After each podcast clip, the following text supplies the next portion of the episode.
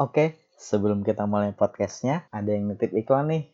Yang pertama dari Kaltim Just Tip. Mungkin ini nih cocok buat kalian yang menginginkan kepraktisan. Jadi, Kaltim Just Tip itu ya kalian tahulah semacam jasa titip permintaan konsumen. Selain jasa titip, bisa juga digunakan sebagai marketplace. Barang ready stock juga ada, kayak parfum premium, case HP, dan lain-lain. Selain open just tip, mereka nerima open reseller juga loh. Pastinya harga jadi lebih murah dari yang biasa.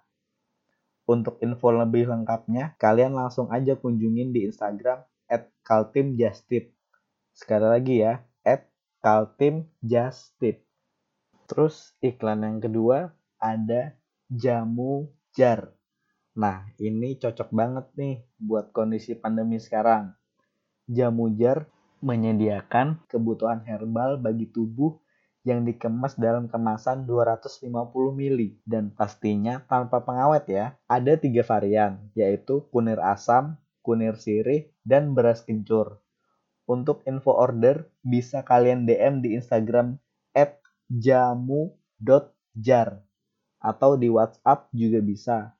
Nomornya di 0852 50 30 2440. Sekali lagi ya, di 0852 50 30 2440. Sebenarnya nggak usah diulangin sih, kan tinggal kalian pause terus rewind juga bisa kan. Keren nih jamu jar. Kalau negara Jepang kan punya budaya minum teh. Harusnya Indonesia mengangkat budaya minum jamunya. Nah, jadi mulai sekarang podcast bubuhan menerima iklan atau promosi. Jadi buat kalian yang punya usaha terus mau iklanin produk atau jasa kalian di sini, boleh banget loh hubungi aku aja, bisa lewat WhatsApp, Instagram atau Twitter. Oke? Mari kita support UMKM Indonesia.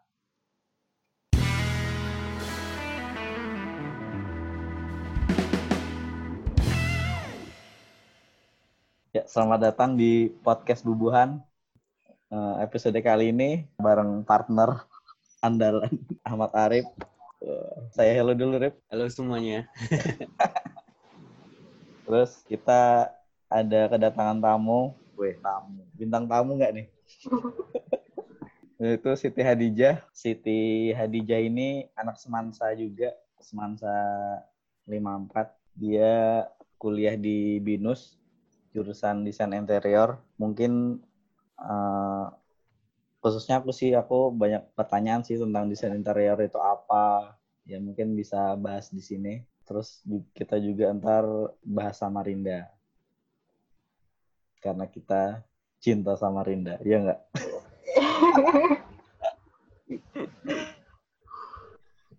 jadi gimana kabarnya nih semenjak ada COVID-19 Alhamdulillah masih diberikan kesehatan ya.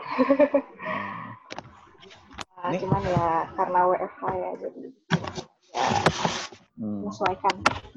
Dulu lulus dari BINUS tahun berapa teh? Hmm, lulusnya 2014. 2014.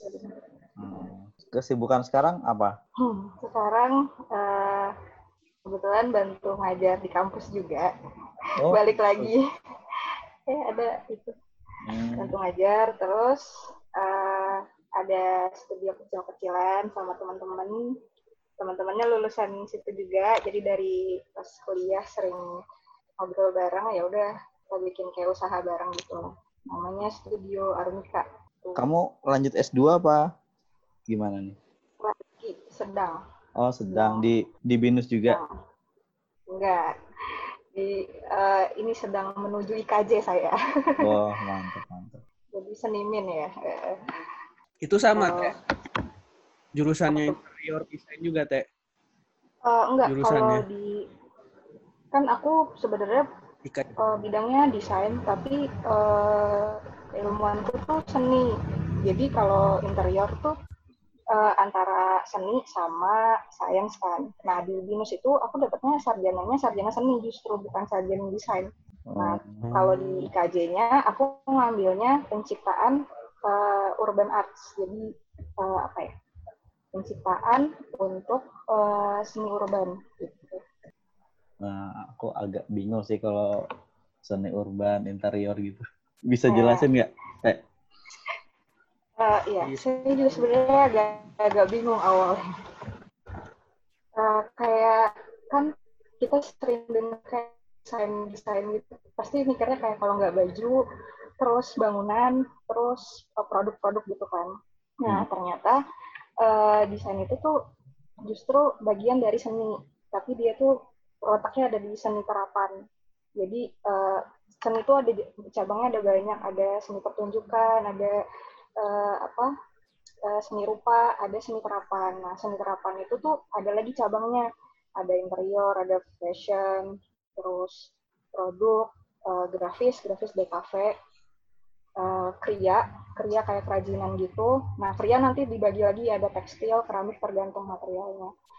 Nah Terus kaitannya sama seni apa ya? Tadi itu balik lagi jadi kayak aku tuh kembali ke rootnya ke atas berarti naik ke atas e, balik ke induknya ke seninya. Terus kenapa ambilnya urban art sebenarnya karena ini lebih karena ketuntutan kalau mau ngajar harus S2. Terus yang ada di Jakarta tuh e, terbatas ya e, sekolah seni. Ada desain di Trisakti tapi kalau lihat kurikulumnya terlalu industri Sedangkan aku selama setelah kuliah dan di dalam perjalanan setelah itu kayak ngerasanya kok aku lebih eksperimental ya daripada ketimbang aku ngikutin industri gitu. Makanya akhirnya uh, ya udah aku coba ke urban arts pengen lebih belajar tentang bagaimana masyarakat urban itu ngerespon eh, seni-seni yang ada di sekitarnya, ngerespon uh, fenomena ataupun masalah-masalah yang ada di lingkungannya. Gitu. Nah, konteksnya juga sebenarnya seni itu kayak hampir nggak ada batasnya ya kalau sepengetahuan aku. Aku juga masih belajar sih. Uh, kayak kadang uh, kita sebagai mahasiswa aja tuh belajar desain kayak mata-matain, misal-misalin, oh ya saya kan anak interior, uh, dia anak uh, DKV atau satu lagi anak fashion, bikinnya baju hmm. doang, bikinnya rumah doang. Tapi ternyata ya desain sama seni itu borderless gitu, nggak ada batasnya. Karena basicnya seni itu merespon kan. Respon hmm. apa pun yang ada di sekitar kita. Tinggal jalan masuknya. Kalau fashion dari apa yang nempel di badan kita kalau interior apa yang ada di space atau di ruangan sekitar kita terus kalau apa lagi grafis berarti yang apa yang bisa kita lihat secara visual kayak gitu. Bahkan kalau apa uh, aku lihat-lihat di silabus-silabus di luar negeri kebanyakan di Belanda sih. Mungkin harus lebih tahu juga ya. Di Belanda tuh banyak jurusan-jurusan yang baru yang Dion nggak ada di yang sebelum-sebelumnya kita nggak pernah dengar kayak man and uh, public space man and well-being gitu jadi udah mereka udah ngapus batas-batas itu. Uh -uh. jalan masuknya bisa dari mana pun bisa dari kesehatan bahkan dari isu-isu sosial kayak gitu. Nah aku pribadi tuh uh, tertarik banget sebenarnya sama uh, desain yang darurat. Kayak desain-desain darurat. Kayak kalau ada bencana alam uh, apa yang bisa kita perbuat atau kita lakukan untuk membantu orang-orang yang ada di kondisi darurat itu hmm. terus desain-desain yang ada di daerah-daerah atau desa-desa yang jauh tempatnya. Nah aku tuh tertarik yang kayak gitu-gitu. Makanya ada urban arts. Nah kayaknya bisa nih bisa masuk dari jalur itu. Gimana masyarakat merespon uh, dari yang terdekatnya di sekitar gitu. Menarik menarik. Itu baru ada di IKJ ya teh ya? Apa urban arts? Hah. kalau setahu aku sih urban arts di IKJ kalau yang uh, seni lain penciptaan ada kayak di uh, isi Jogja atau isi Surakarta ada juga penciptaan tapi yang direspon lain lagi dia lebih ke tradisi kayak uh, misalnya seni-seni apa yang eksis di uh, apa lingkungan-lingkungan tradisi atau komunitas-komunitas tradisi gitu. Mungkin karena IKJ uh, letaknya juga di Jakarta ya, jadi jualannya dia, tanda kutip jualannya dia ya urban gitu. Hmm. Iya, yeah, Jakarta ya, kenal sama urban. Ya, iya di Denpasar juga ada tuh di isi Denpasar. Oh, Denpasar ada isi ya? Uh, isi tuh Baru... sekarang banyak kan di Kaltim oh, ada loh isi. Ya Jadi, itu adiknya sedih itu ya. Bukannya masih belum ya? Karena fokusnya masih di ITK ya mereka? Atau udah ada malah? Uh, Nah, aku nanya temenku yang uh, kerja di isi Jogja. Jadi kan isi Kaltim itu tuh anaknya isi Jogja. Mereka tuh selalu ngirim hmm. dosen. Tapi emang progresnya yeah. belum belum belum mapan gitu, nggak bisa berdiri sendiri. Terus kayaknya memang mungkin karena fokusnya masih di teknologi, jadi uh, seni ini ya kurang digenjot juga dan belum hmm. kelihatan uh, prospeknya gitu. Habis ini mereka mau kerja apa? Paling ya kayak fotografer gitu kan, editor editor, eh, sorry editing editing video, terus paling apa ngerjain ngerjain seni apa pertunjukan atau pameran-pameran. Tapi itu juga belum semasif itu. Jadi ya kayak istilahnya belum siap sih isi isi banyak berarti oh, yang jadi, dibuka bareng intinya tuh ruang buat yang kamu sebutkan tadi di Kaltim kurang ya? Uh, kalau ruangnya mungkin bisa ada, tapi responnya karena oh, right. mungkin uh, pengetahuan akan prospek dan potensinya itu belum kelihatan banget kan. Hmm. Aku baca-baca yeah. juga tuh di beberapa artikel kayak dipertanyakan kenapa isi eh sorry isbi kaltim tuh nggak nggak berkembang terus pemerintahnya bilang kayak e, iya kita belum siap infrastrukturnya segala macam padahal uh, dari pusat itu udah udah nyerahin ke daerah. Harusnya kalau kayak gitu kan anggaran udah ada dong. Kayak gitu. Tapi mungkin uh, karena itu potensinya belum terlihat banget jadi ya mereka juga mungkin nggak terlalu semangat ya menyiapkannya. Aku nggak tahu juga sih. Soalnya aku bandingin sama waktu ada kerjaan di apa uh, di Papua itu jauh banget. Di Papua tuh udah berkembang banget dan mereka tuh benar-benar yang inisiatif bikin sendiri. Kayak metain suku-suku yang ada di sana terus uh, apa kriya sama seni pertunjukannya itu bikin kayak kayak bikin silabus sendiri gitu. Jadi udah nggak tergantung sama isi isi dan pasar ya. Dia tuh dari isi dan pasar jadi kayak udah bergerak selangkah lebih maju gitu daripada Kaltim padahal mereka dana tuh lebih sulit kalau setahu aku hmm. bentar uh, kalau yang di Kaltim tuh ada di mana dia? Setahu teh Balikpapan di Tenggarong. Enggak di oh, Tenggarong. Oh, gedungnya Tapi... pun masih pakai itu keraton. Bagian dari keraton. Katanya keraton atau kedaton ya? Hmm. aku pun nggak nggak nggak tahu juga. Di keraton sih. Iya uh, berarti kuliahnya udah di Kalimantan ya? Bukan ke Jogja udah. dulu atau hmm, enggak gitu. hmm, kalau kata temanku itu uh, mereka yang kirim dosen. Jadi mereka ngirim terus gaji dosen. Tapi outputnya tuh kayak minus gitu. Iya sih kayak memang hmm. kayak menurutku emang kurang kedengar sih dibanding ITK yang sekarang ITK kan udah mandiri ya. Setahuku dulu kayaknya ITK sama isi Kaltim tuh pas kita lulus juga nggak sih? 2010-an itu kan dia mulai eh 2011 malah ya gencar-gencarnya buka terus kuliahnya harus ke Surabaya dulu kalau yang uh, eh, ITK itu terus yang aku dengar ya, dari Tekno Institut Teknologi Sumatera itu mereka ke Bandung karena kerjasamanya sama ITB Bandung Berarti ya, benar, kayak gitu. udah mulai kuliah mandiri tapi malah mungkin belum banyak siswanya kali ya? Atau mungkin karena kurang kedengaran kali ya? Iya, itulah.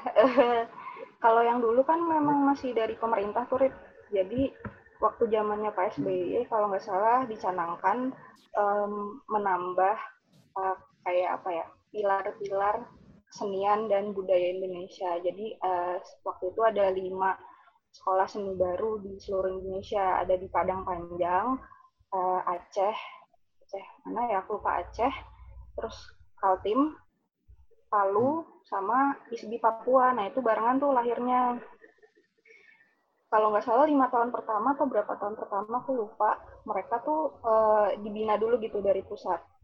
Kayak di hmm. apa ya di dimomong lah dari pusat. Sama kayak ITK tadi. Jadi uh, muridnya yang sekolah di di apa sekolah induk masing-masing. Nah terus mulai 2000 berapa ya? 16 kalau nggak salah. Itu udah mulai ada pelepasan. Jadi diminta masing-masing tuh menyiapkan gedung terus menyiapkan infrastruktur uh, pengajaran dan lain-lain. Nah, yang aku dengar tuh yang yang di tempat lain tuh berkembang, apalagi yang di Papua ya itu itu ini banget sih uh, cepat gitu berkembangnya. Sedangkan yang di Kaltim itu gedungnya juga nggak ada, terus alat-alat uh, yang kayak tingkilan kayak gitu-gitu tuh mereka sebagian ada yang minjem SMK katanya. Kalau dari artikel-artikel yang aku baca tuh hmm, sedih juga ya, sih kayak Iya, padahal budaya itu diserahkan ke hmm. daerah ya. Gimana sih kayak universitas masa pinjam alatnya kayak SMA gitu. Iya, iya. Iya. Kayak anak SMA-nya kayak ah ngapain aku kuliah, iya. orang kuliah aja pinjam aku. kayak gitu kan. Lucu. Terus yang kayak kria-krianya nah aku nggak tahu kria tuh. Mungkin... Ya agak disayangkan aja sih. Maksudnya mereka lahir sama ITK tuh kan harapannya ya maju bersama gitu loh. Hmm. ITK kan sekarang betul, juga udah. Betul.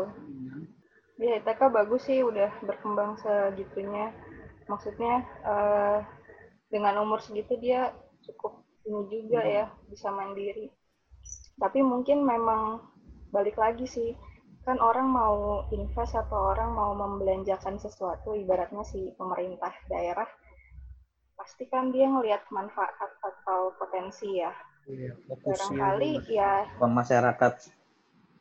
Iya, nah mungkin karena mereka nggak lihat, belum terlalu ngelihat potensinya kayak apa, apa sih seni seniman kalau sebatas cuman melestarikan budaya aja ya istilahnya mungkin terlalu mahal uh, yang harus dibayar untuk membangun institusi baru gitu. Tapi ya gimana ya? Memang aku ngelihatnya di masyarakat kita uh, seni itu masih banyak yang dipandang sebelah mata gitu bahkan di keluarga besarku sendiri pun kadang kayak uh, agak-agak menyembunyikan uh, sarjana belakangnya sarjana apa gitu soalnya kayak seniman tuh kayak ya nggak jelas gitu kan kayak ya halu-halu gitu. Nah ya tukang hayal gitu loh.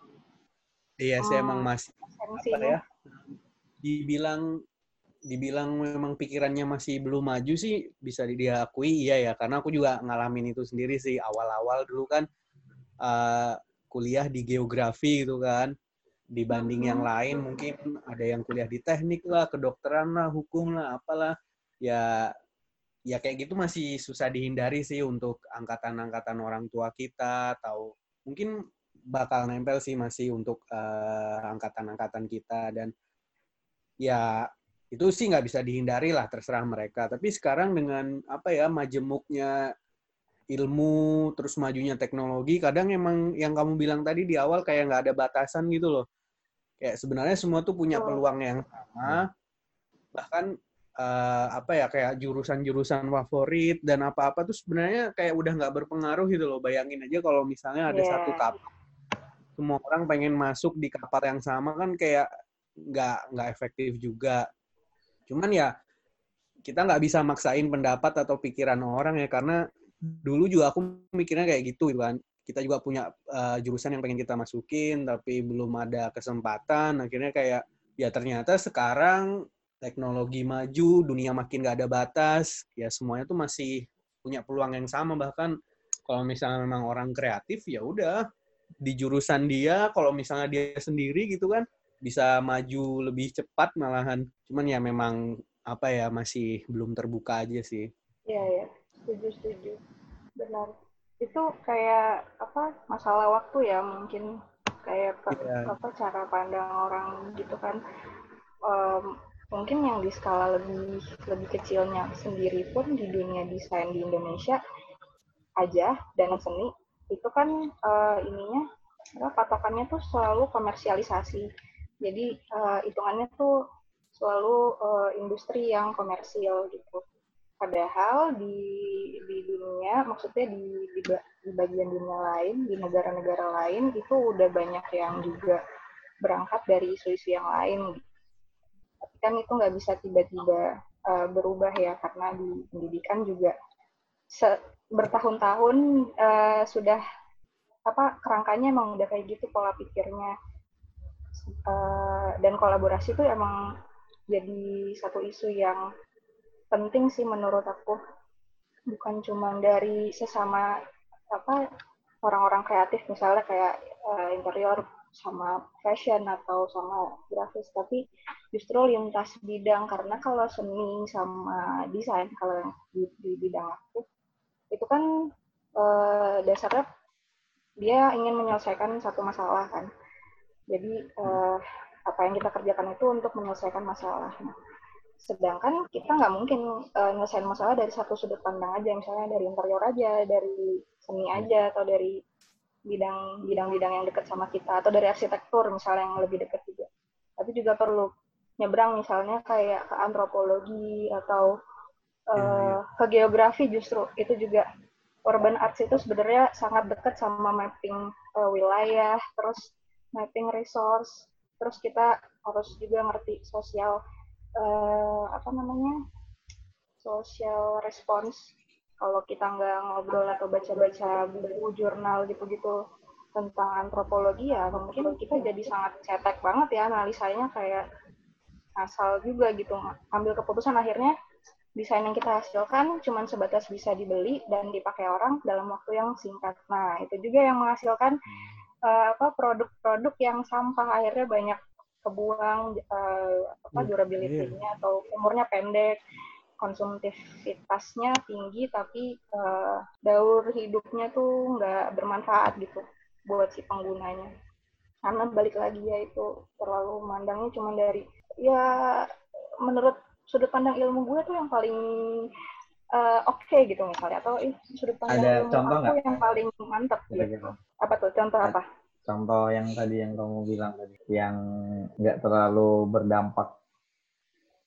Yang nggak terlalu berdampak. Misalnya kalau lihat brand-brand besar ya yang paling gampang fashion ya. Desain itu kayak uh, apa Louis Vuitton atau yang mahal-mahal yang yang ngetren di apa kaum kaum hawa gitulah ya.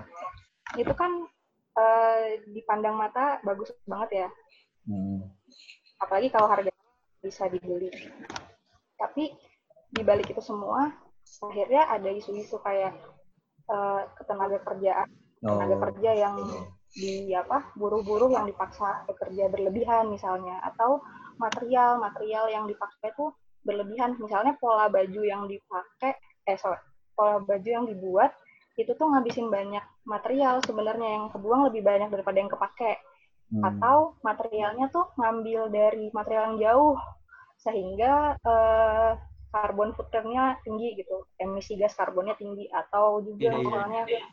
ngambil material yang ini produksinya di Cina tapi saking dia pengen keren dan mahal gitu dia ngambilnya tuh di Zimbabwe atau di mana yang yang jauh gitu atau di Papua gitu nah itu nge ngegali lagi resource-nya ke dalam yang akhirnya sebenarnya juga belum tentu baik buat lingkungan jadi desain itu cuma sebatas buat disketsa bagus dan diproduksi laku dijual gitu. Terus orang pakai itu keren gitu. Tapi sekarang kan uh, posisinya isunya harus bertanggung jawab gitu. Menurut aku ya, uh, ini emang ada beberapa mahjab nih. Jadi di apa di desain dan seni itu ada beberapa aliran yang nggak semua orang juga bisa ada di dalam situ kayak yang tadi aku ceritain aku nggak bisa di situ meskipun aku bisa ngerjain itu aku milih enggak gitu. Hmm. tapi mungkin orang-orang yang dia ada di situ juga nggak bisa. Ada di aku yang lebih suka apa desain-desain eksperimental terus uh, aku lebih suka ngolah material uh, apa namanya ngolah sistemnya kayak gimana. Ya mungkin mereka juga nggak nggak terlalu bisa. Jadi masing-masing punya aliran sendiri-sendiri gitu yang nggak bisa nyalahin juga ya karena di sana ada sumber ekonomi kan yang juga memberi memberi makan banyak orang dan apa ya uh, itu udah udah berlangsung bertahun-tahun gitu. Kalau kalau orang punya idealisnya masing-masing. Iya benar kalau di apa di lingkungan ini di lingkungan desain gitu dibilangnya celebrity designer sih hmm. celebrity designer yang keren-keren yang kece-kece gitu Gitu, uh, terus mau mau tanya soal apa uh, brand yang sebetulnya ya kalau sebagai orang awam desainnya tuh kayak biasa aja, tapi kok bisa harganya bisa selangit gitu ya? ya contoh uh, su Supreme apalah kok bisa oh. biasanya kita itu menurutmu gimana Supreme sih Oreo. kok bisa sih uh, hmm. ya itu itu contoh lah itu masih mending bisa dimakan ya maksudnya kayak hmm. Kaos terus ada tulisan Supreme itu bisa jadi mal itu menurutmu gimana sih teh? Kok bisa itu orang-orang segitunya? Padahal ya yang aku tahu selama ini mungkin itu gara-gara brand ya. Tapi ayolah masa gara-gara brand bisa setinggi itu gitu loh. Orang-orang um, apa bisa beli harga yang fantastis lah buat buat buat aku sendiri lah pokoknya intinya. Kok bisa gitu sih menurutmu? Kenapa sih bisa kejadian kayak gitu tuh?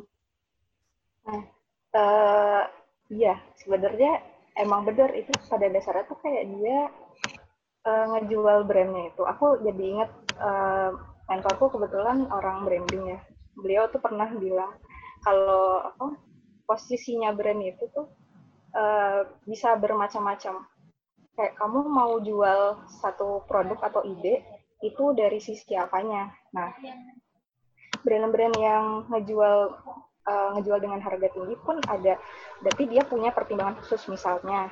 Mungkin uh, biaya produksinya sangat mahal, jadi dia harus menjualnya juga dengan harga yang cukup mahal walaupun bentuknya biasa aja gitu.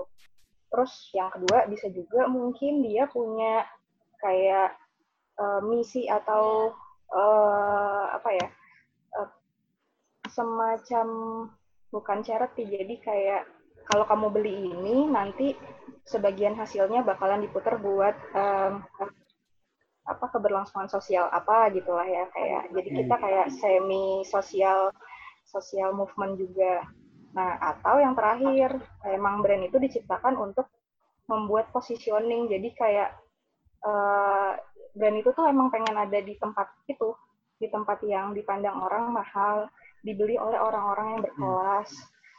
Emang menciptakan kasta itu gitu. Emang ada yang kayak gitu. Ujung-ujungnya emang uh, komersial sih. Maksudnya mereka ngambil untung yang sebesar-besarnya. Jadi uh, kalau mas apa seperti Supreme Oreo kayak gitu-gitu ya ya balik lagi mungkin mereka uh, emang pengen brandnya itu ada di posisi itu jadi kayak nggak ada alasan aja bukan karena materialnya bukan karena harga produksinya tapi emang pengen memposisikan brand itu aja gitu kayak misalnya hmm, Apple sama Android. Sebenarnya kayak mungkin komponennya ya 11 12 tapi apa yang bikin Apple lebih mahal? Bisa jadi emang karena brandnya. Jadi emang dia pengen orang itu ada ada koneksi sama si brand itu. Orang-orang tertentu. Jadi dia kayak kayak nyeleksi orang-orang yang berinteraksi sama brandnya gitu. Nggak semua orang mungkin bisa masuk ke dalam situ. Terus sebagai imbalannya dia akan ngasih treatment yang personal. Jadi kayak uh, under deal under dealnya hanya kamu bisa dapetin tuh di Apple. Nggak bisa di eceran yang ada di loakan-loakan kayak gitu. Jadi kayak apa ya interaksi antara brand sama orang yang diciptakan secara sistem yang secara nggak langsung tuh kita ya udah kita ngikutin. Padahal mereka itu udah mendesain semua. Jadi desain brand itu tuh bukan sekadar desain logonya doang tapi sejauh itu kayak sampai ke latar belakang apa yang bikin kamu mau beli brand itu mungkin kayak kalau tahu apa ya HP Advan atau apa lagi ya Mito. yang ya Mito gitu-gitu ya kan hmm. itu kan mungkin kalau yang eksekutif muda yang udah levelnya manajer ke atas ya agak feel yang mustahil gitu. Dia mau beli itu kecuali dalam keadaan darurat gitu kan. Jadi kayak emang dia memberi posisi diri brandnya dia ke customernya dia tuh siapa aja. Dia kayak tanda kutip memberi apa ya saringan gitu. Kalau menurut aku sih seperti itu. Iya secara nggak langsung kayak kalau orang gini deh misalnya dia gajinya sekian dia mampunya beli uh, ya udah beli yang Android Android biasa. Tapi ketika dia naik gaji atau punya pendapatan lebih dia pasti eh kayaknya gue kelasnya mesti naik nih. Belilah dia Apple. Mulainya dari HP HP terus jadi apa jadi laptop. Laptop mungkin jadi PC dan lain-lain. Sampai semua barangnya Apple. Nah, terus dia jadi nge, branding dirinya nih gue di kelas ini gitu. Oh. tapi itu mungkin cocoknya buat brand-brand yang punya modal kuat nggak sih nggak juga ya Enggak juga sih, itu lagi balik lagi kayak dari awal pengkonsepan brandingnya seperti apa, mau diarahinnya ke ke pasar yang kayak gimana gitu. Hmm. Nanti kan model itu kan berjalan setelah konsep itu ada kan.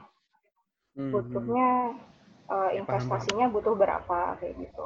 Gitu sih. Tapi itu juga sebenarnya banyak ini ya, banyak banyak analisa-analisa lain yang mungkin juga relevan tapi kalau yang aku tahu yang dekat sama kehidupanku ya kayak gitu dan brand itu diciptakan mungkin nggak harus yang brand besar ya kayak beberapa brand indie atau yang sendiri-sendiri studio-studio kecil pun ada kelas-kelasnya gitu. Emang kamu tertarik sama desain itu mulai kapan sih? Sampai pengen masuk kuliah desain gitu? Aku ingatnya waktu Terus, uh, SD. Desainnya, oh, itu ada spesifik nggak? Desainer kan desain banyak tuh. Nah, spesifik sih. Seingat aku dulu itu SD tuh kan kita sering kan apa uh, nulis-nulis biodata biodata itu loh yang kayak nama terus hmm. tanggal lahir cita-cita gitu kan nah aku tuh ingetnya itu kelas 5 kelas 6 itu aku nulis tuh desain interior SD ya, Muhammadiyah ya, ya? oh iya SD Muhammadiyah kelas 6 ya ampun itu tinggi banget. Shopnya masih terkenal shop seribuan. Itu ingatnya pas kelas 5 kelas 6 sih. Mungkin gara-gara itu kali ya. Apa uh, kan di rumah tuh sering beli uh, orang tua aku tuh sering beli majalah-majalah kayak uh, rumah-rumah gitu. Geria-geria gitu-gitu kan. Home decor home decor. Terus apa ya kalau lagi nggak ada PR ya aku baca-bacain itu lihat-lihat. Terus dari SD deh lihat.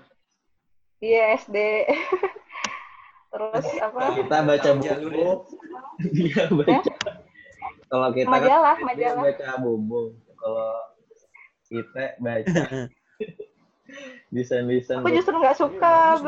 apa baca-baca buku-buku yang berat-berat kayak kalian-kalian gitu. Aku aduh ngantuk aku. Kalau banyak gambarnya aku suka. Oh gitu. Jadi lihat gambar terus tertarik ya? Lihat gambar, e, terus kayak wah ini ini ya. Terus aku suka bunga-bunga gitu kan kayak di majalah itu tuh banyak merangkai merangkai bunga. Oh, nenekku juga suka merangkai bunga, jadi mungkin mempengaruhi juga ya. Terus pas tapi itu nggak tahu interior tuh ngapain, asal aja gitu nulisnya kayak interior kayak. Terus pas sudah SMP makin sering baca itu kan majalah-majalahnya tuh masih masih baca-baca. Terus buku-buku kerajinan-kerajinan nenekku baca-bacain. Ya walaupun nggak ngerti cuman baca aja lihat aja gambarnya gitu. Lihat-lihat. Terus gak tahu ya nah SM, S, mulai SMP tuh udah nggak terlalu tertarik sama desain yang sifatnya dekoratif gitu. Kayak ya aku tahu aku maunya ke desain. Tapi bukan desain yang dekoratif gitu. Terus tapi kan resource apa eh, sumber-sumber tuh dulu agak terbatas gitu kan ya. Kita belum ada internet yang kayak sekarang. Jadi sambil merenung-merenung gitu. Aku ingat tuh di buku harian tuh dulu kayak bikin-bikin catatan uh, apa ya tentang kayak sampah-sampah gitu. Terus uh, perubahan iklim apa segala macam. Eh nggak jelas banget. Terus kayak wah ini kayaknya ini menarik nih kalau ada di uh, di interior atau di di, di dalam desain yang aku mau gitu. Tapi aku belum tahu itu bentuknya kayak gimana. Terus sudah sampai SMA awalnya SMA tuh bingung. Mana ya interior tuh nggak ada di Samarinda. Takut juga kan. Aku kan dulu agak-agak ini ya agak-agak cups ya. Sekolah pulang sekolah pulang. Jarang bergaul ya sama kalian pun juga jarang kan enggak lah aku lebih jauh lebih cups lah ya kan. Jarang organisasi juga ya. mungkin kalau ada yang masih kenal oh ya enggak enggak jauh lebih gaul ya. Iya nggak ikut apa nggak ikut uh, ekskul ekskul juga nggak ikut. Terus ya gimana ya? Akhirnya ya udahlah. Kebetulan ada keluarga di Jakarta terus sepupu tuh di binus terus kayak ada nih tah binus uh, mau coba nggak gitu ya udah cobain coba eh terus masuk ya udah dijalanin nah pas di dalam situ merasa kayak kok kayaknya ini bukan yang saya inginkan. Oh, malah gitu ya jadinya. Iya.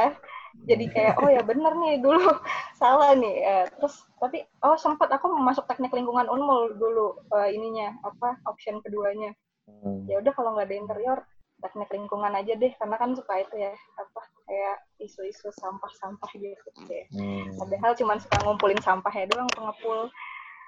Terus ya udah uh, pas dijalanin oh kayaknya kurang serak gitu kayak sangat mengolah bangunan kalau di di kampus waktu itu karena kan binus tuh baru tahun ketiga pas aku masuk jadi kayak baru banget gitu hmm. kayaknya sangat mengolah bangunan terus sangat desainnya sangat komersial jadi kayak membentuk mahasiswa tuh jadi celebrity designer gitu hmm. wah ini aku kok gimana ya tapi kalau mau mundur kayaknya sayang ya udahlah terusin aja lah selesaiin sambil cari jalannya. Nah, terus di BINUS tuh ada dua peminatan. Interiornya tuh ada interior untuk interior, eh, ruangan-ruangan gitu, mengolah ruang. Ada yang furniture dan uh, home aksesoris, jadi khusus dekorasi, uh, produk dekorasi. Nah, aku masuk ke furniture itu tuh dengan alasan, ah nanti aku abis ini aku langsung pulang ke Samarinda, aku bikin workshop lah gitu. Mimpi-mimpinya gitu, kayak yeah. aku hmm. bisa apa mengelola kayu-kayu itu kayu-kayu limbah-limbah itu kayu-kayu asli Kalimantan iya ceritanya gitu ternyata tidak semudah itu Ferguso ya kan hmm.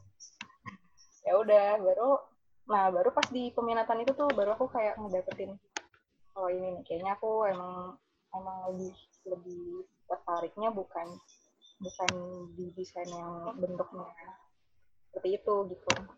Nanti furniture kan banyak ngolah apa namanya ngolah produk lebih ngolah sistemnya gimana.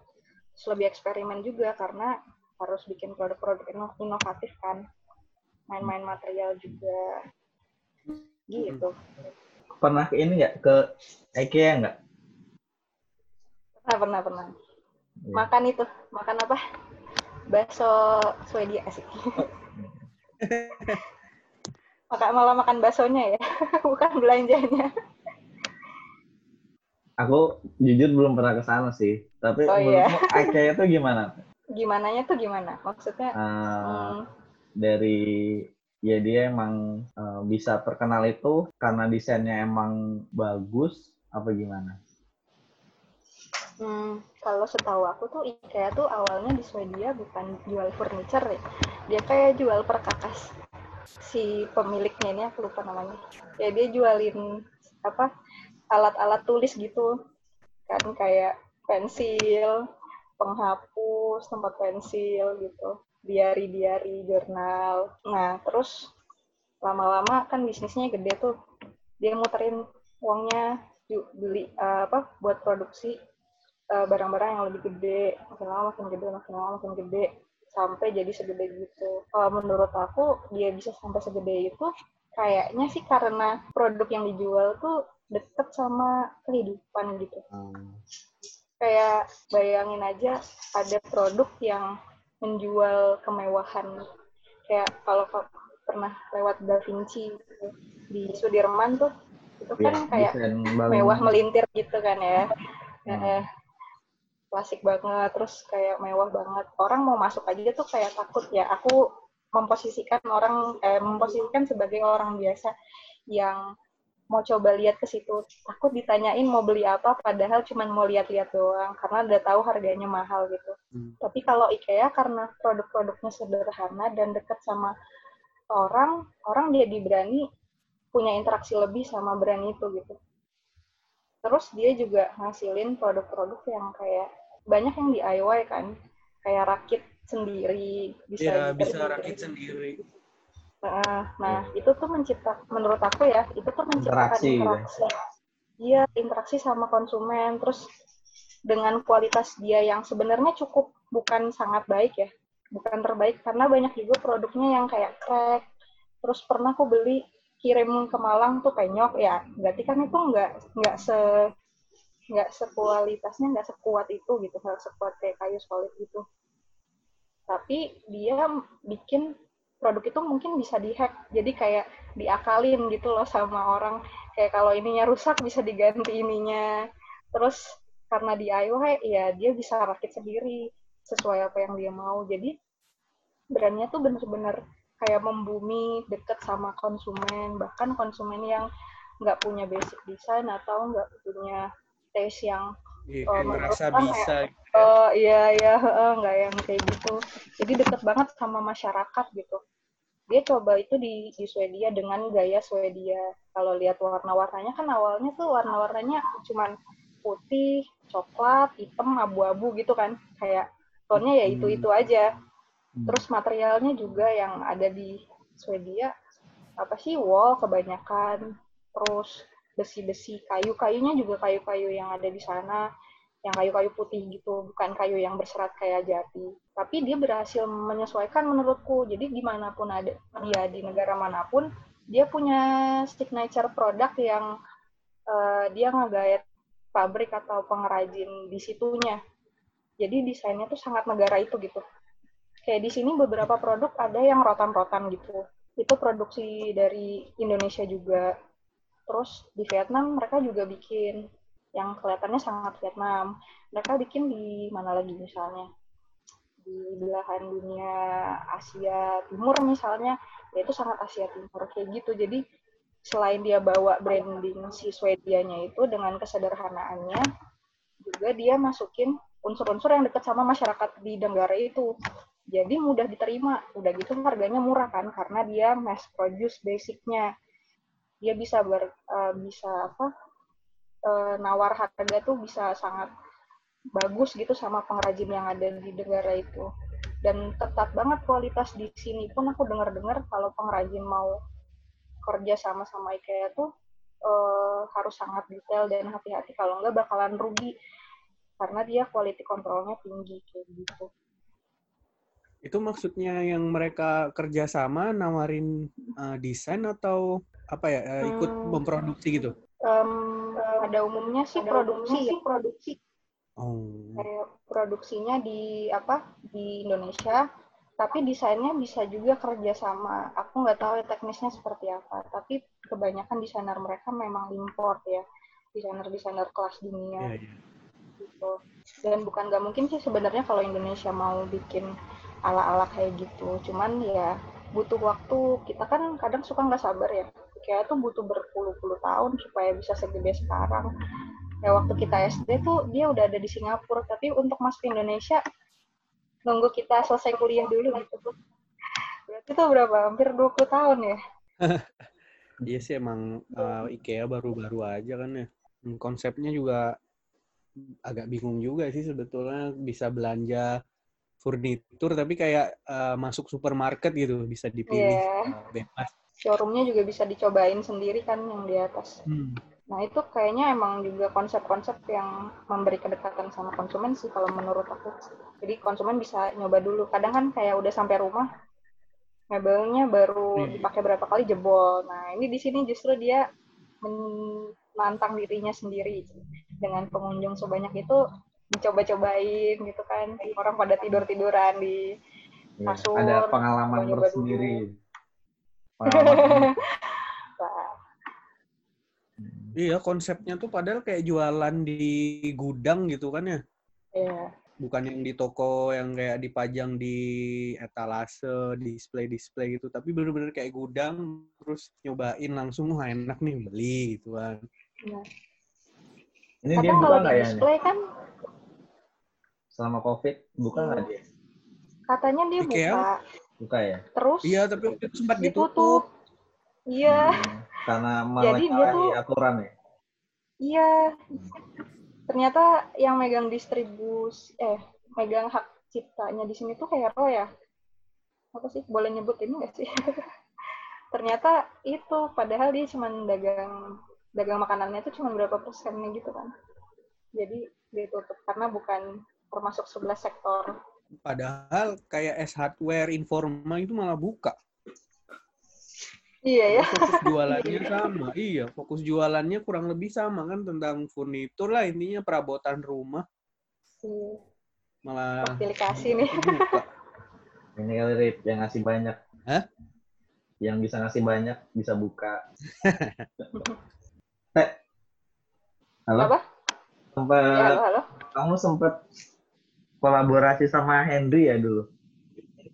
Iya dulu. Hmm. Wah, aku itu mau tuh. ngajakin Henry tapi dia hari ini nggak bisa. Ya, hmm. sayang sekali. Udah lama juga tuh aku nggak ini ngobrol. Hmm. Apa sih dulu namanya? Lupa aku. Mola ya? Oh, pola, pola, pola. pola. Oh ya, pola. Oh. Hmm. Itu ini juga tuh uh, dadakan. Jadi apa? Uh, pas baru lulus kuliah kan Henry duluan lulus ya karena dia dari Bandung terus ke Jakarta.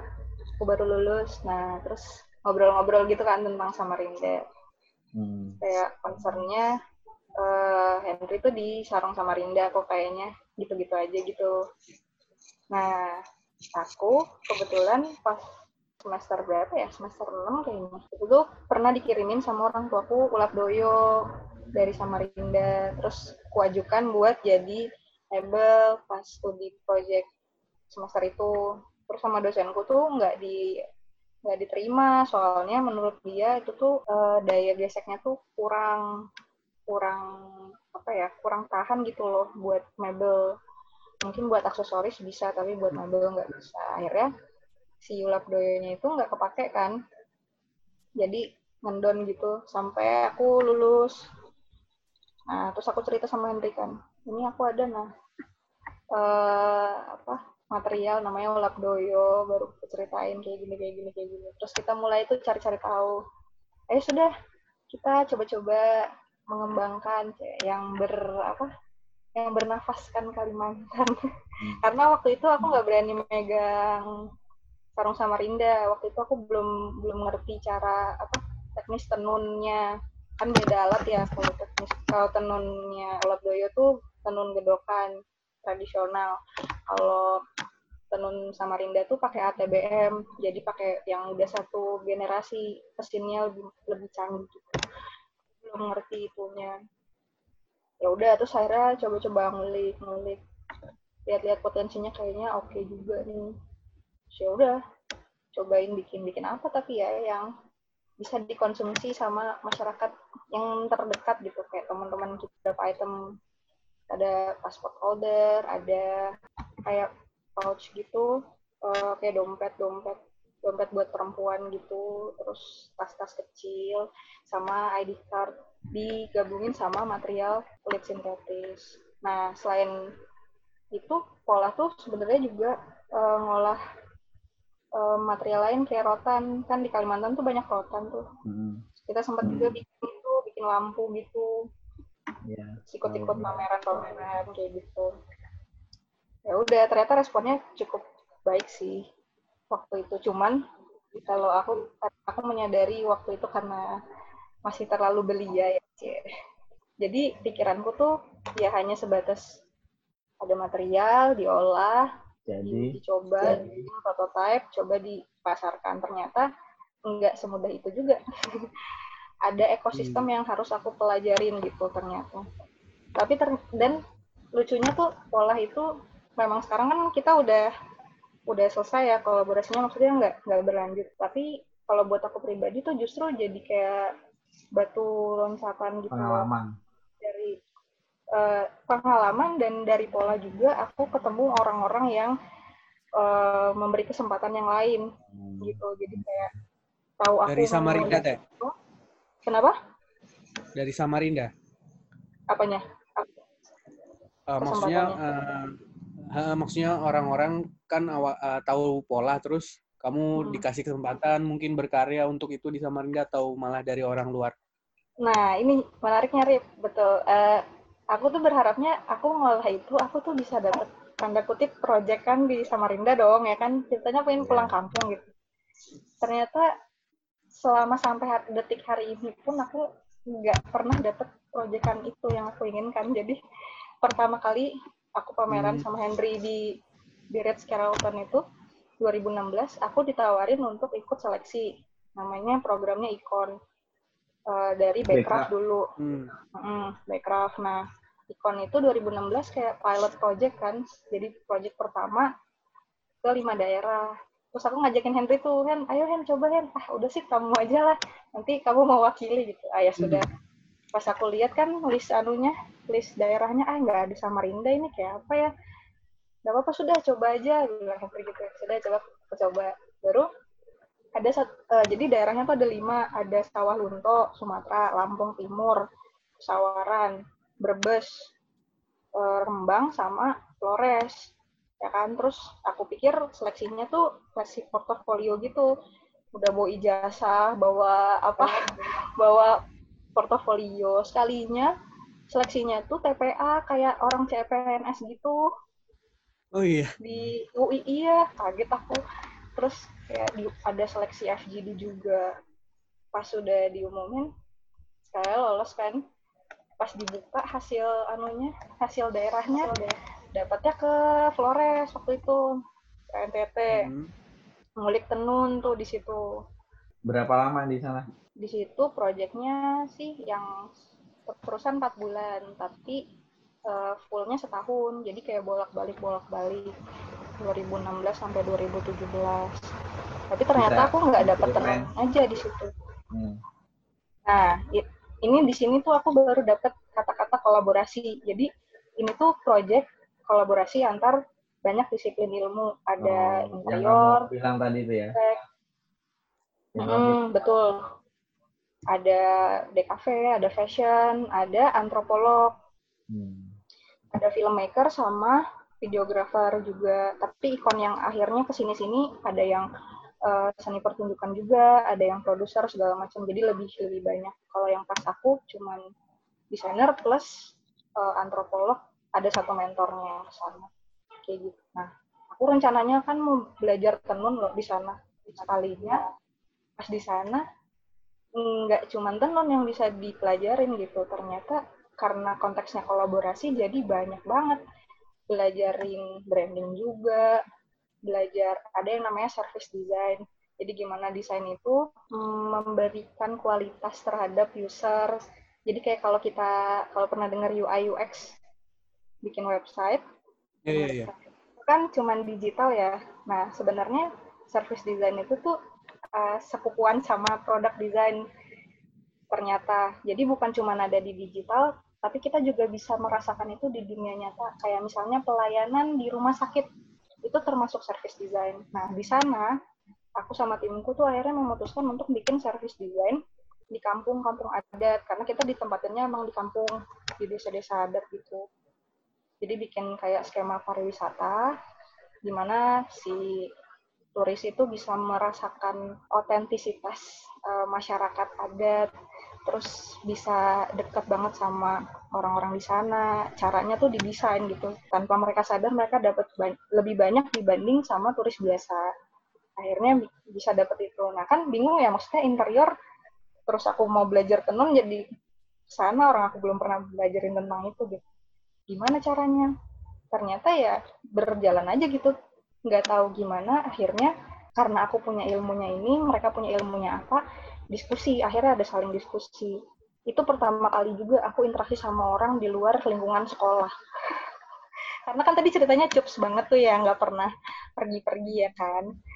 Terus jadi harus terpaksa akhirnya ngomong ngobrol presentasi segala macam nah itu jadi belajar banyak di sana. Nah, uniknya tuh si skema pariwisata itu tuh bisa dikembangkan dengan pendekatan dari interior. Ya, itu lucunya ternyata interior itu nggak bisa di apa aku praktekkan nggak mungkin gitu loh di sana. Kayak rumah adat mau aku renovasi gitu kayak nggak mungkin banget kan. Hmm. ada bahkan harus ada apa upacara-upacaranya kita aja tinggal di situ aja diupacarain dulu kalau nggak boleh. Eh kalau nggak lolos nggak boleh gitu. Gimana mau nge makeover si ruangan gitu ceritanya ya udah terus kayak mikir-mikir apa yang aku punya ya? Kayaknya metodenya dulu kalau kalau mendesain kalau di di kampus tuh diajarnya kayak gini-gini akhirnya aku coba ngeliat sehari-hari uh, mama-mamanya pagi-pagi tuh ngapain abis uh, bangun tidur ngapain habis itu ngapain lagi ngapain lagi diurutin. Jadi kayak bikin fasilitas aktivitas gitu.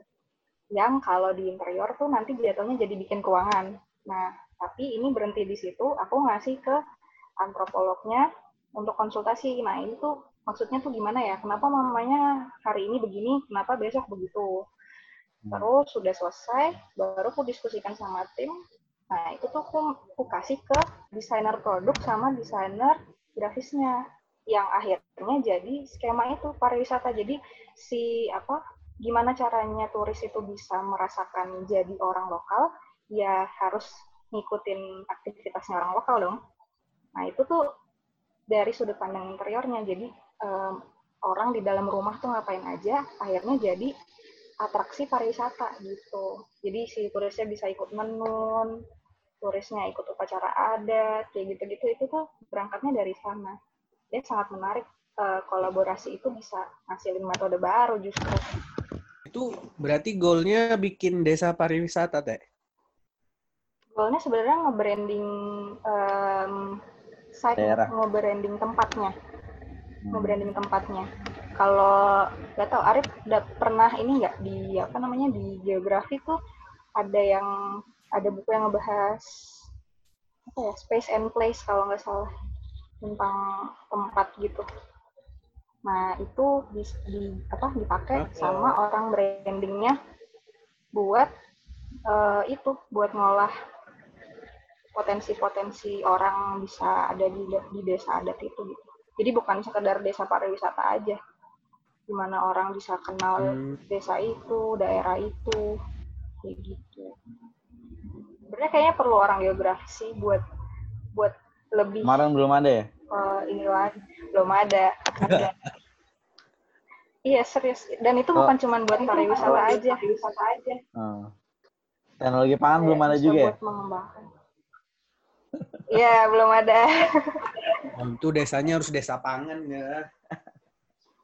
Brebes tuh cocoknya bawang goreng. Kebetulan. Tapi di di tempat yang kamu datangin itu sekarang gimana keadaannya? Uh, agak lebih sebenarnya sama aja, kurang lebih sama aja karena mereka udah ada ini ya, udah ada rencana pariwisata di apa dari sebelum aku datang. Cuman ada sedikit kemajuan kayak di, di struktur pemerintahannya dibentuk divisi uh, apa ya namanya di bidang industri kreatif dan hmm. pariwisata kalau nggak salah gitu deh. Nah, terus di beberapa desa yang belum desa wisata, mereka udah jadi bisa menghasilkan produk sendiri. Gitu. Jadi walaupun belum bisa menerima turis, tapi yang dulunya turis cuma datang lihat-lihat doang, sekarang udah bisa membeli sesuatu kayak oleh-oleh atau kerajinannya mereka. Nama desanya apa tadi? Hmm, ada tiga desa kalau yang aku tinggalin itu. Yang pertama namanya Be, uh, Bela, Bela itu di Langa Belalanga, hmm. terus ada Bena, desa adat Bena, sama desa adat Tololela. Itu di Aimere. Jadi kayak KKN ya? Kayak KKN, ya KKN. Seru ya. Tinggal di desa, kan. Dibayar lagi ya? Dibayar lagi ya? Iya. Enak deh pokoknya. Cuman ya ya kayak KKN sih emang yeah. maksudnya tapi aku lihat backcraft uh, yang kemarin itu yang kepemimpinannya Triawan Munaf emang bagus sih dia kayak yang ngembangin itu potensi-potensi yang tahu juga dia juga ngembangin musik musik daerah ya nah, emang bagus sih kalau untuk inovasi uh, itunya kayaknya sih memang bagus ya tapi Bekraf itu kan dulu ada di bawah BUMN hmm. jadi uh, dia sebenarnya yang dia kejar tuh PDB apa hmm. kayak mengekspor sesuatu untuk diambil nilai ekonominya. Yeah. Nah, sedangkan program-program kayak gini tuh nggak bisa dalam lima tahun menghasilkan itu gitu. Yeah, Jadi betul. di atas kertas mungkin bisa dibilang nggak nggak nggak cukup berhasil ya. Hmm. Tapi kalau di industri kreatif sih kerasa banget kayak ada perubahan fasilitas tuh lebih gampang. Tapi sekarang ada nggak program-program gitu? Apa? Yang sekarang ini ada nggak program yang kayak icon lagi? Hmm, sebenarnya Kementerian Pariwisata dan Ekonomi Kreatif tuh tahun ini harusnya bikin ikon lagi 2020, tapi karena ada hmm. COVID, jadi nggak ada sisanya. Hmm. untuk tahun ini nggak ada. Sebenarnya bukan cuma Bekraf atau Kementerian Pariwisata ya. Kementerian lain juga banyak yang ada program-program kayak gininya. Kayak desa, nah, Kementerian Desa. Itu, mm -mm, Kementerian Desa, Kemendikbud juga ada namanya Seniman Mengajar. Hmm. Kayak gitu. Itu juga ke itu lebih banyak lagi daerahnya. Sebenarnya programnya, pangan ya, programnya iya. Iya. Abal-abal. Oh. Abal-abal bisanya. Produk makanan enggak? Eh, Pak, nasi kuning kaleng. Dibutuhin banget loh. Ini nasi kuning kaleng enggak? kuning kaleng. Oh, nasi kuning itu siap saji. Kayak arah nasiku dulu tuh loh. Hmm. Iya kan? Karena nasiku aja nggak laku. Dikasih. Iya. Kamu bikin yang baru biar laku. Haruan kaleng tuh nggak. Oh, Indomie rasa ini apa? ini rasa nasi kuning eh, rasa ikan haruan bisa bisa mantul itu mau nanya apa lagi Rip? itu belakangnya sudah sama Rinda nah, ini mau bahas ini sih sebenarnya oh. kamu tahu kan Iya yeah, ya ini ya polemik itu ya beberapa yeah. tahun silam ya oh, tahun berapa ini 2018 akhir 2000 apa 2018 awal ya Kenapa mirip ya 19 awal. Hmm. Ya, jadi yang buat dua miliar ya. Ini buat buat para pendengar kan nggak nggak lihat nih apa yang gambar yang ditampilin. Jadi ini oh, iya. gambar ngeri, ngeri, ngeri. logo Samarinda Magnificent. Ya, dulu yang sempat polemik itu tahun 2019 awal kalau nggak salah ya. Hmm. Ya. Tuh, menurutmu gimana, Teh? Wah, itu seru sih. Kayaknya aku pernah bahas sama siapa ya? Ismi deh kayaknya aku tuh dia gencar juga. hmm. Hmm.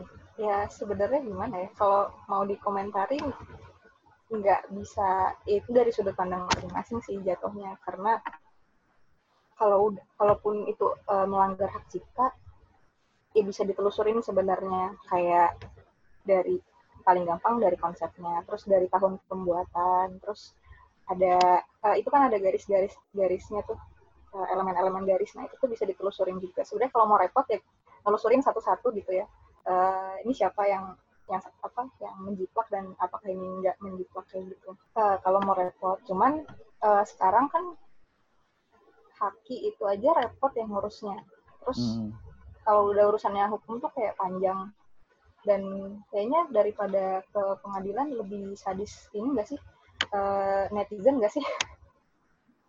Jari-jari netizen ya enggak sih kayak lebih tajam gitu ya kalau dari masyarakat aja dari masyarakat Samarindanya aja sudah kurang merasa itu adalah identitas dirinya ya ya udah susah juga gitu maksudnya iya, tapi ya sayang ya?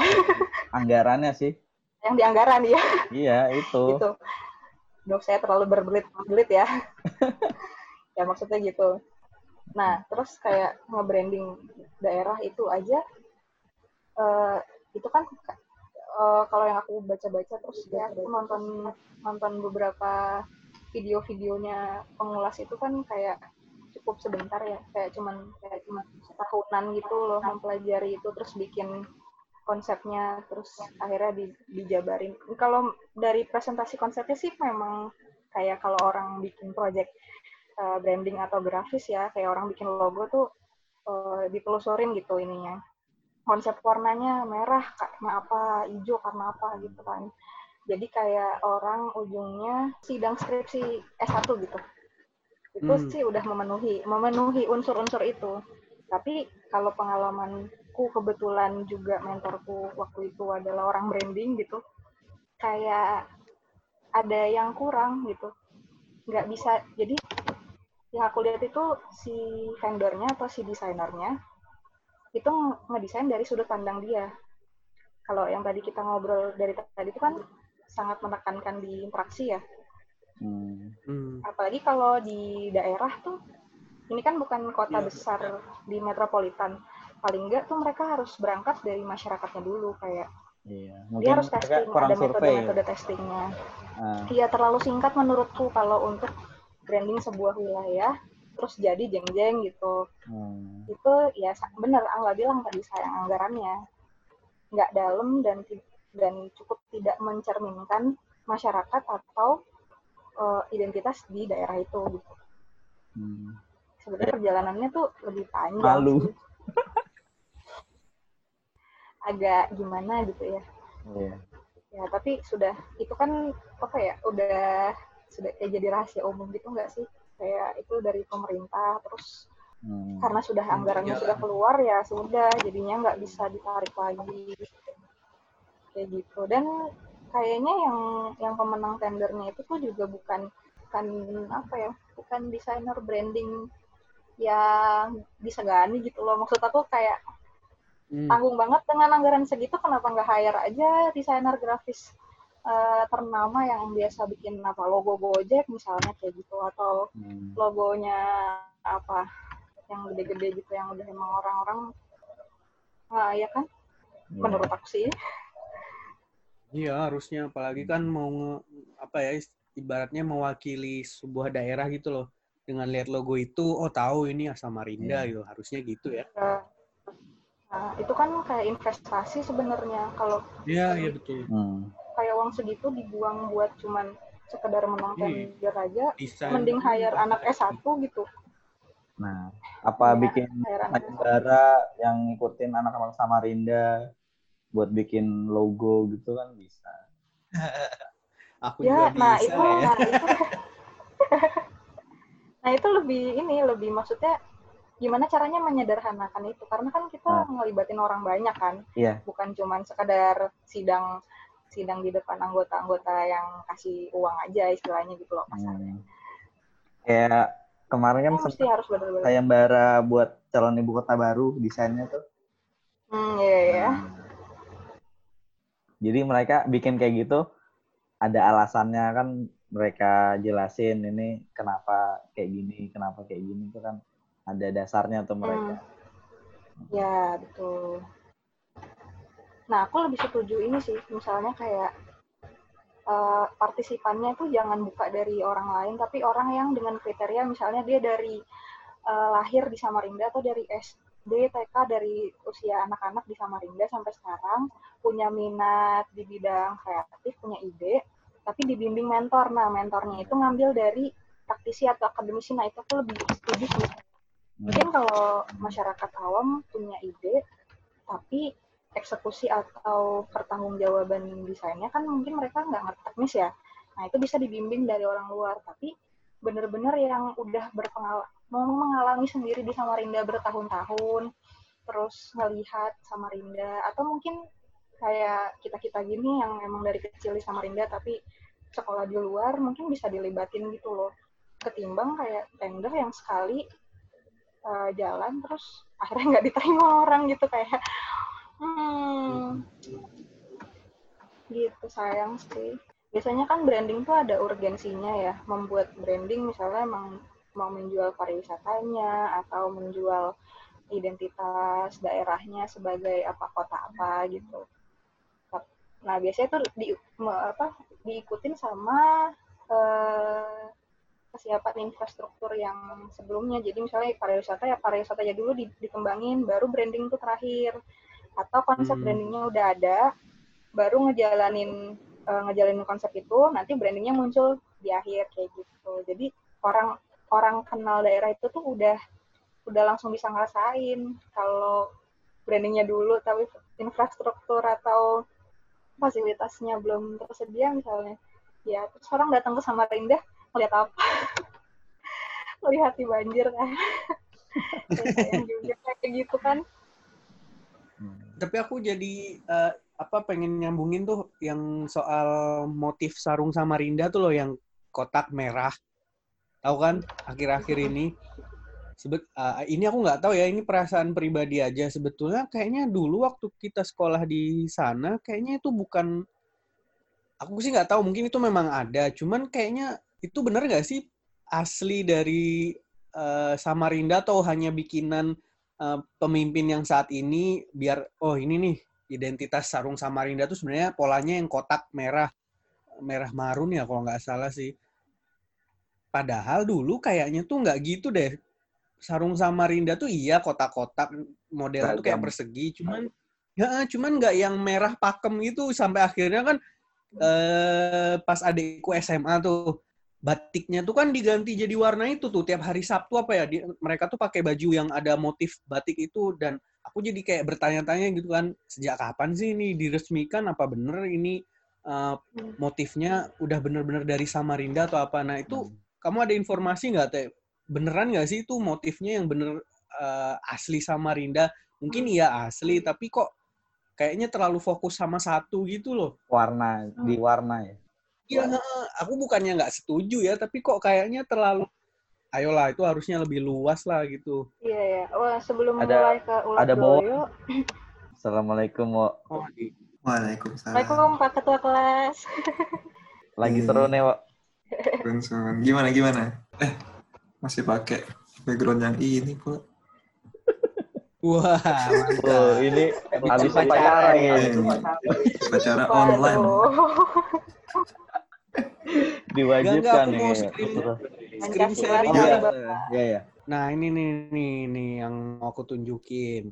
Kayaknya beberapa tahun ke belakang tuh uh, yang fokus tuh yang ini nih ya, yang kotak merah ini.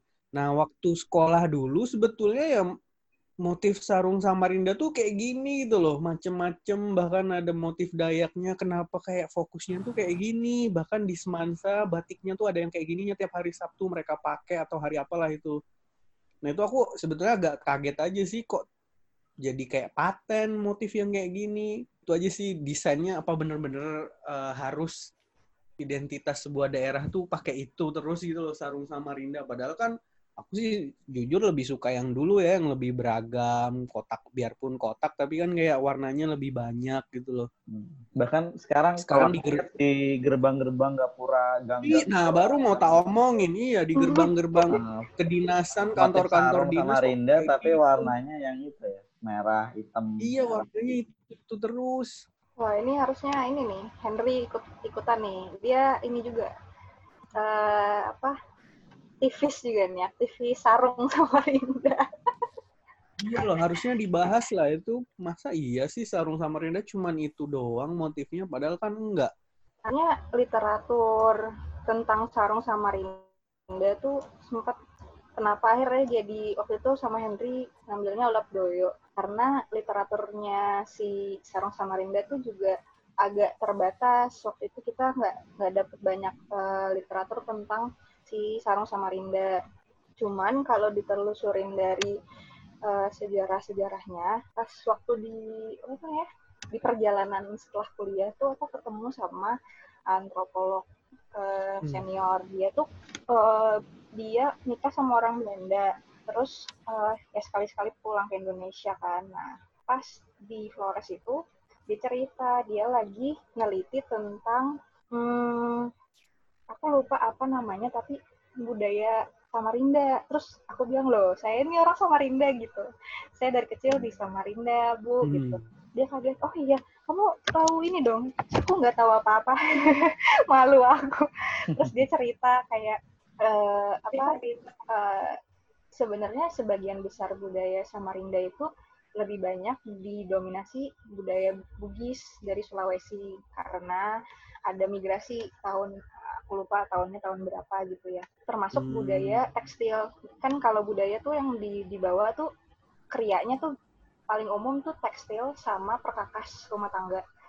Hmm. Keraj bukan kerajinan ya kria tuh uh, apa ya? Ya anggap gampangnya kerajinan. Kerajinan yang di bawah tuh tekstil sama perkakas rumah tangga. Nah yang paling banyak diperdagangkan dan menyebar luas di Samarinda itu salah satunya tenun.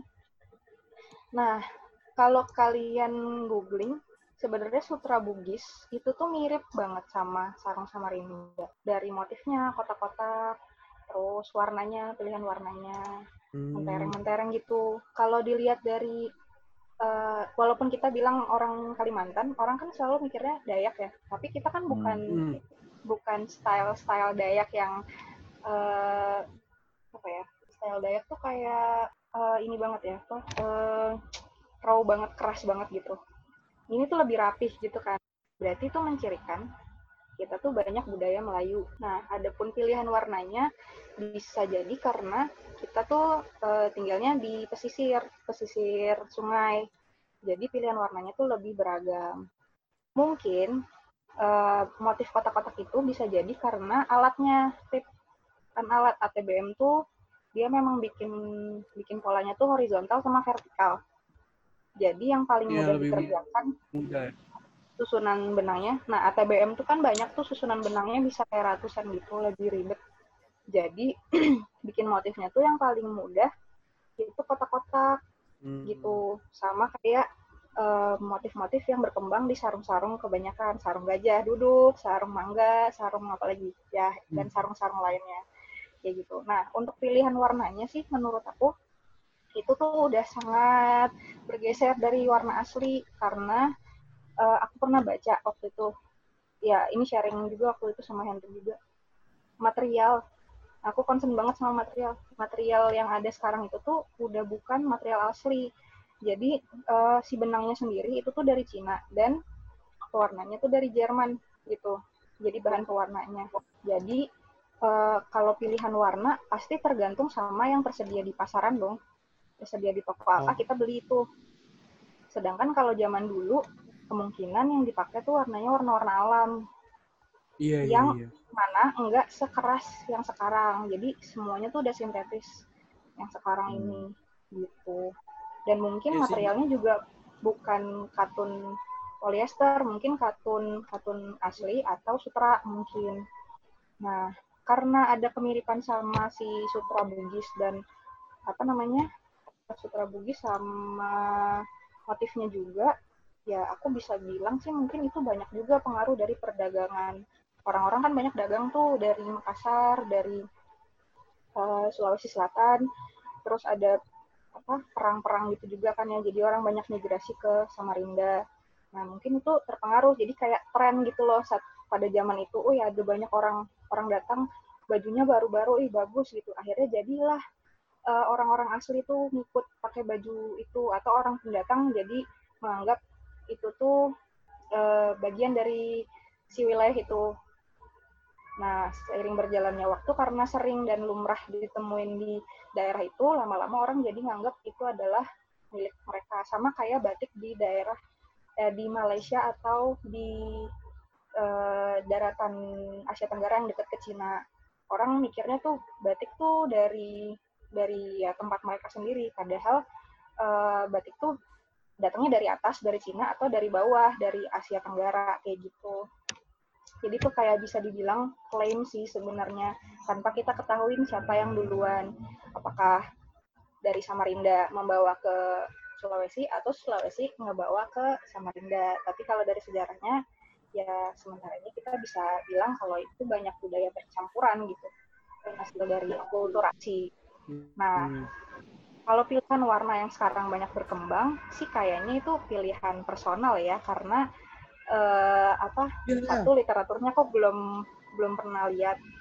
Tapi warna warna yang sama yang merah marun itu tuh mirip-mirip sama branding yang ada di belakangnya Angga. Jadi aku mikirnya itu ya yeah. itu pilihan personal. Secara kan udah dua periode nih jadi mungkin uh, apa apa maksudnya orang-orang yang ada di lingkungan itu memang suka yeah. dengan warna political branding Iya, Iya, dia mau kayak ninggalin, ninggalin legasi ya.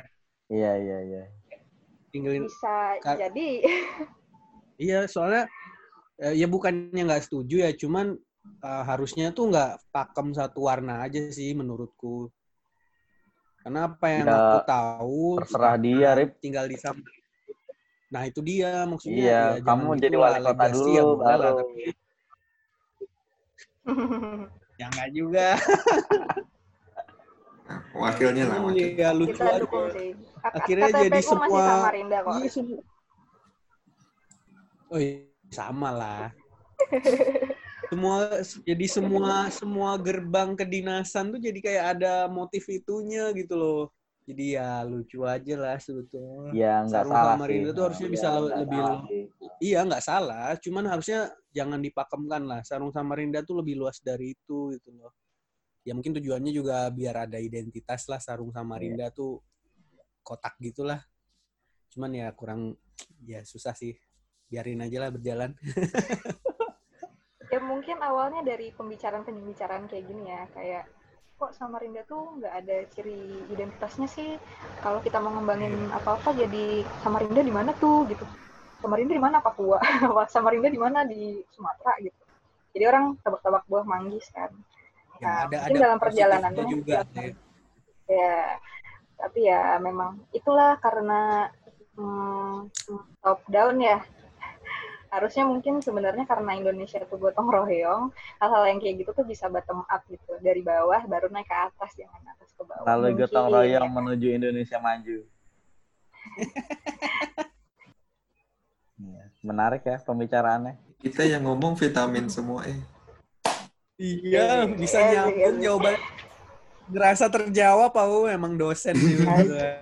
Waduh, aku baca internet loh ini sambil lihat Google loh ini. Ya nggak apa-apa, ngerasa terjawab sebetulnya malah enak. Alhamdulillah ya, sesuatu ya. Jadi, Pe, menurutmu Samarinda nih kalau mau uh, dijadiin branding nih, tempat apa yang cocok? Sungai sih pasti Soalnya ah. kayak beberapa temenku yang pernah singgah atau berkunjung ke Samarinda tuh yang diingat pasti oh yang sungainya gede itu yang kayak kayak laut ya katanya gitu. Hmm. Oh iya iya bener bener bener ya. Terus uh, selain sungai itu mungkin kulinernya sih. Karena kalau dibandingin tadi yang pengalaman aku tuh aku jujur aja pas di sana tuh aku bingung mau brandingin apa. Karena aku makan aja tuh susah gitu. Nggak ada makanan tradisionalnya di di iya nggak. itu. Ada nggak ada. Kayak sudah dibahas sama Rida iya ya yang di podcast yang sama Dirga itu kan ya. Yeah. impor semua ada yang khas. Tapi mungkin nggak harus kuliner yang berat-berat. Kayak uh, waktu itu pernah aku uh, ngobrol sama temenku jadi temennya dia tuh uh, orang Samarinda orang Semada. Terus Max Mada dia diajak uh, ke rumahnya gitu. Terus uh, makanan yang paling diingat apa dia jawabnya ini kerupuk kerupuk yang gede itu terus diisi bihun di tengahnya. Jadi kayak itu oh. iya iya. Itu lucu sih uh, kan bihun kita tuh tebal-tebal ya nggak ada di sini. Beda. Hmm. ya mungkin kuliner-kuliner jajanan-jajanan kayak ini loh uh, Taiwan street food gitu tapi sama Rinda street food ya lucu juga tuh. Iya tuh udah lah kayak gitu kayak bihun gitu. tuh. Kerupuk bihun ya kan? Kerupuknya juga susah cari di sini mau di mana. Ada juga opak. Wih, opak manis malah eh tapi mirip sih emang. Iya, aku setuju sih sama kamu. Sama Rinda tuh brandingnya ya sungai. Nah, tapi menurutku lagi nih, ini ini uh, asumsi pribadi sih kayak tebak-tebak buah manggis aja. Karena aku juga sudah lama ya nggak pulang harus lihat lagi gitu ke sana. Hmm. karena Samarinda tuh uh, ini banget ya banyak pertukaran budaya terus agak-agak kayak Cirebonnya di Jawa gitu. Jadi banyak perdagangan orang keluar masuk keluar masuk. Jadi identitasnya tuh emang nggak kuat gitu. Hmm. kayak Mega Mendung pun kan sebenarnya uh, kabur kayak nggak kelihatan banget kayak Mega Mendungnya Cirebon kan sebenarnya bukan dari Cirebon itu kan adaptasi dari batik Cina kan. Hmm. terus hmm. filosofinya dari Arab budaya Islam gitu. Jadi mungkin perlu ditelusurin uh, nggak harus kita cari yang aslinya Samarinda tuh apa gitu. Kayak susah juga ya. Belum ada apa eh, data-data uh, juga mungkin kurang. Mungkin kita justru bisa nge-branding dari hal-hal yang lebih sederhana kayak tadi. Kayak yang bisa dijumpain tiap hari di masyarakat tanpa kita sadar. Terus yang sehari-hari dilakukan masyarakat atau digunakan masyarakat tapi nggak ada di tempat lain kayak gitu. Uh, sungai itu kan tempat ya. Mungkin kalau pengalaman tinggal di Samarindanya mungkin kayak bukit-bukitnya Samarinda itu kan ciri juga tuh naik turun naik turun kayak ninja hattori hmm. kayak gitu-gitu sebenarnya banyak sih yang bisa dikembangin cuman ya perlu pulang dulu kayaknya lihat lagi hmm. kondisi sekarang kayaknya kayaknya sungai sih paling paling mudah ya untuk hmm. dilihat. Karena kan ada itu juga tuh yang kapal wisata. Iya iya iya. Tapi ya, sekedar yang ada aku merah-merah aku, juga uh, kan. Aku dulu pernah nyobain sih. Jadi naiknya tuh dari depan Masjid Raya Darussalam tuh naiknya di situ. Oh. Naik ya, uh, uh, naik kapal biasa udah entarin sama Rinda sampai ke Big Mall. Big Mall putar balik sampai ke jembatan Mahkota 2 yang baru. Udah terus balik lagi ke situ. Nah, gimana tuh iya. pengalamannya? Boleh di-share nggak? Aku belum pernah soalnya. Ya, cuman gitu aja. Jadi ngelihat Samarinda dari sisi sungai lah ibaratnya gitu. Wow. Tapi seru nggak? Maksudnya kan sekarang jalannya di atas air nih. Kalau hmm. biasanya kan kita dari jalanan darat lihat ke sungai, sekarang dari sungai lihat ke darat gitu. Ya, awal-awal seru, cuman lama-lama bosan. Nah, bosan. mungkin durasinya kelamaan ya atau anginnya terlalu yeah. sepoi-sepoi jadi ngantuk. Gak ada yang bisa dilihat. Ya lihat paling kapal-kapal parkir, anak-anak main di pinggir sungai. Nah daripada naik kapal wisata itu lebih seru naik ke timpung nggak sih? Lebih adrenalin. Yang goyang-goyang, terus kita kayak takut gitu. Iya. Dulu Mungkin, kan ya itu jadi transportasi dari Samarinda itu ke Samarinda seberang pakai ketim dengan orang-orang. Iya. Mm-hmm. Udah dari aku, dulu kan itu ada di situ? Iya. Aku baca buku. Nah. Yang baru mungkin itu justru bisa lebih seru jadi atraksi apa ini nyebrang nyebrang. Nyebrang tuh kan kayak apa lurus ya tegak lurus ya. Eh, jadi ingat fisika yang aku jelek terus dapet tegak lurus. Kan terus harusnya kan apa arusnya kan deras ya. Jadi mungkin dengan sarana tradisional itu justru lebih menarik dibanding pakai mesin-mesin yang kapal yang mewah-mewah atau yang mahal-mahal gitu ya lebih otentik gitu enggak sih dan nggak bosan karena takut kan iya jadi seru iya kayak di Palembang kan gitu tuh kapalnya nggak bagus-bagus amat jadi hmm. karena nggak terlalu bagus ada adrenalinnya yeah. hmm. terus kamu ingat jadinya dengan tempat itu kayak kalau naik kapal yang bagus dan mewah gitu kayak ya udahlah ya lama-lama bosen. Tapi kalau yang kayak adrenalin terus wah ini pro banget nih ini ini tradisional banget nih. Jadi kan ingat gitu terus jadi di bahan cerita. Barusan hmm, diceritain lagi ke kita yang belum pernah ke sana gitu. Jadi kayak ada bahan oh ya seru loh. Ini padahal uh, tradisional. Terus dulunya misalnya buat nyebrang transportasi nggak ada jembatan jadi jadi ada ceritanya panjang. Nah dari cerita itu bisa dibikin produk-produk gitu. Jadi kayak lebih bernilai gitu nggak sih? Walaupun dia cuma ketinting ya. Yeah. ada lagi yang mau ditanyain kok udah tadi. Tadi kapan Arif? Aku sih pengen tanya yang tadi itu aja soal sarung sama Rinda sama ternyata malah tahu apa jurusan-jurusan desain. Iya kayak promosi ya. Apa-apa lah. Menarik sih. Ya tapi intinya itu sih kayak harus ada kolaborasi dan harus dilihat potensinya dulu baru mungkin bisa dikembangin ada yang mau di sharing lagi tak ya udah sih paling gitu aja. Ya semoga bisa kembali lagi sama Rinda. Sama Rinda lebih baik. Buat teman-teman yang dari Samarinda mungkin bisa saling berkomunikasi. Kolaborasi. Ya, ya ujung-ujungnya kolaborasi uh, ya kan. Ya kita kalau enggak kita siapa lagi coba? Ya nanti bahkan malah ada orang-orang luar yang mungkin nggak tahu identitas sama Rinda. Eh, kamu sama ini Aduh. juga kan? anak semansa siapa? Desain interior. Oh ini. Mutiara Astari. Oh, iya. Mutiara Astari. Halen siapa? Siapa? Halen desain interior juga kan? Halen tuh UI Oh, oke. Nah, dia jurusannya arsitektur interior. Hmm. Nah, itu bedanya gimana tuh, Teh? Nah, iya. kalau kamu apa? Dia kalau kamu lebih, lebih ngitung. Enggak. Nah, jadi gini. Kan tadi tuh sudah sampai anu ya. Uh, dari seni kan ya, seni ke desain kan. Nah, desain ini ada bidang-bidang yang dekat. Jadi uh, arsitektur, uh, teknologi itu juga dekat sama desain. Nah, ya, seiring dengan berjalannya waktu, kalau di luar negeri itu emang ada dua. Jadi desain interior itu emang buat dekoratifnya, tapi ada lagi yang lebih ke pendekatannya arsitektural, namanya arsitek interior. Jadi dia tuh ngolahnya bukan dari luar ke dalam, bukan bangunannya dulu baru ke dalam, tapi dari dalam dulu baru bikin bangunannya, baru bikin kotaknya.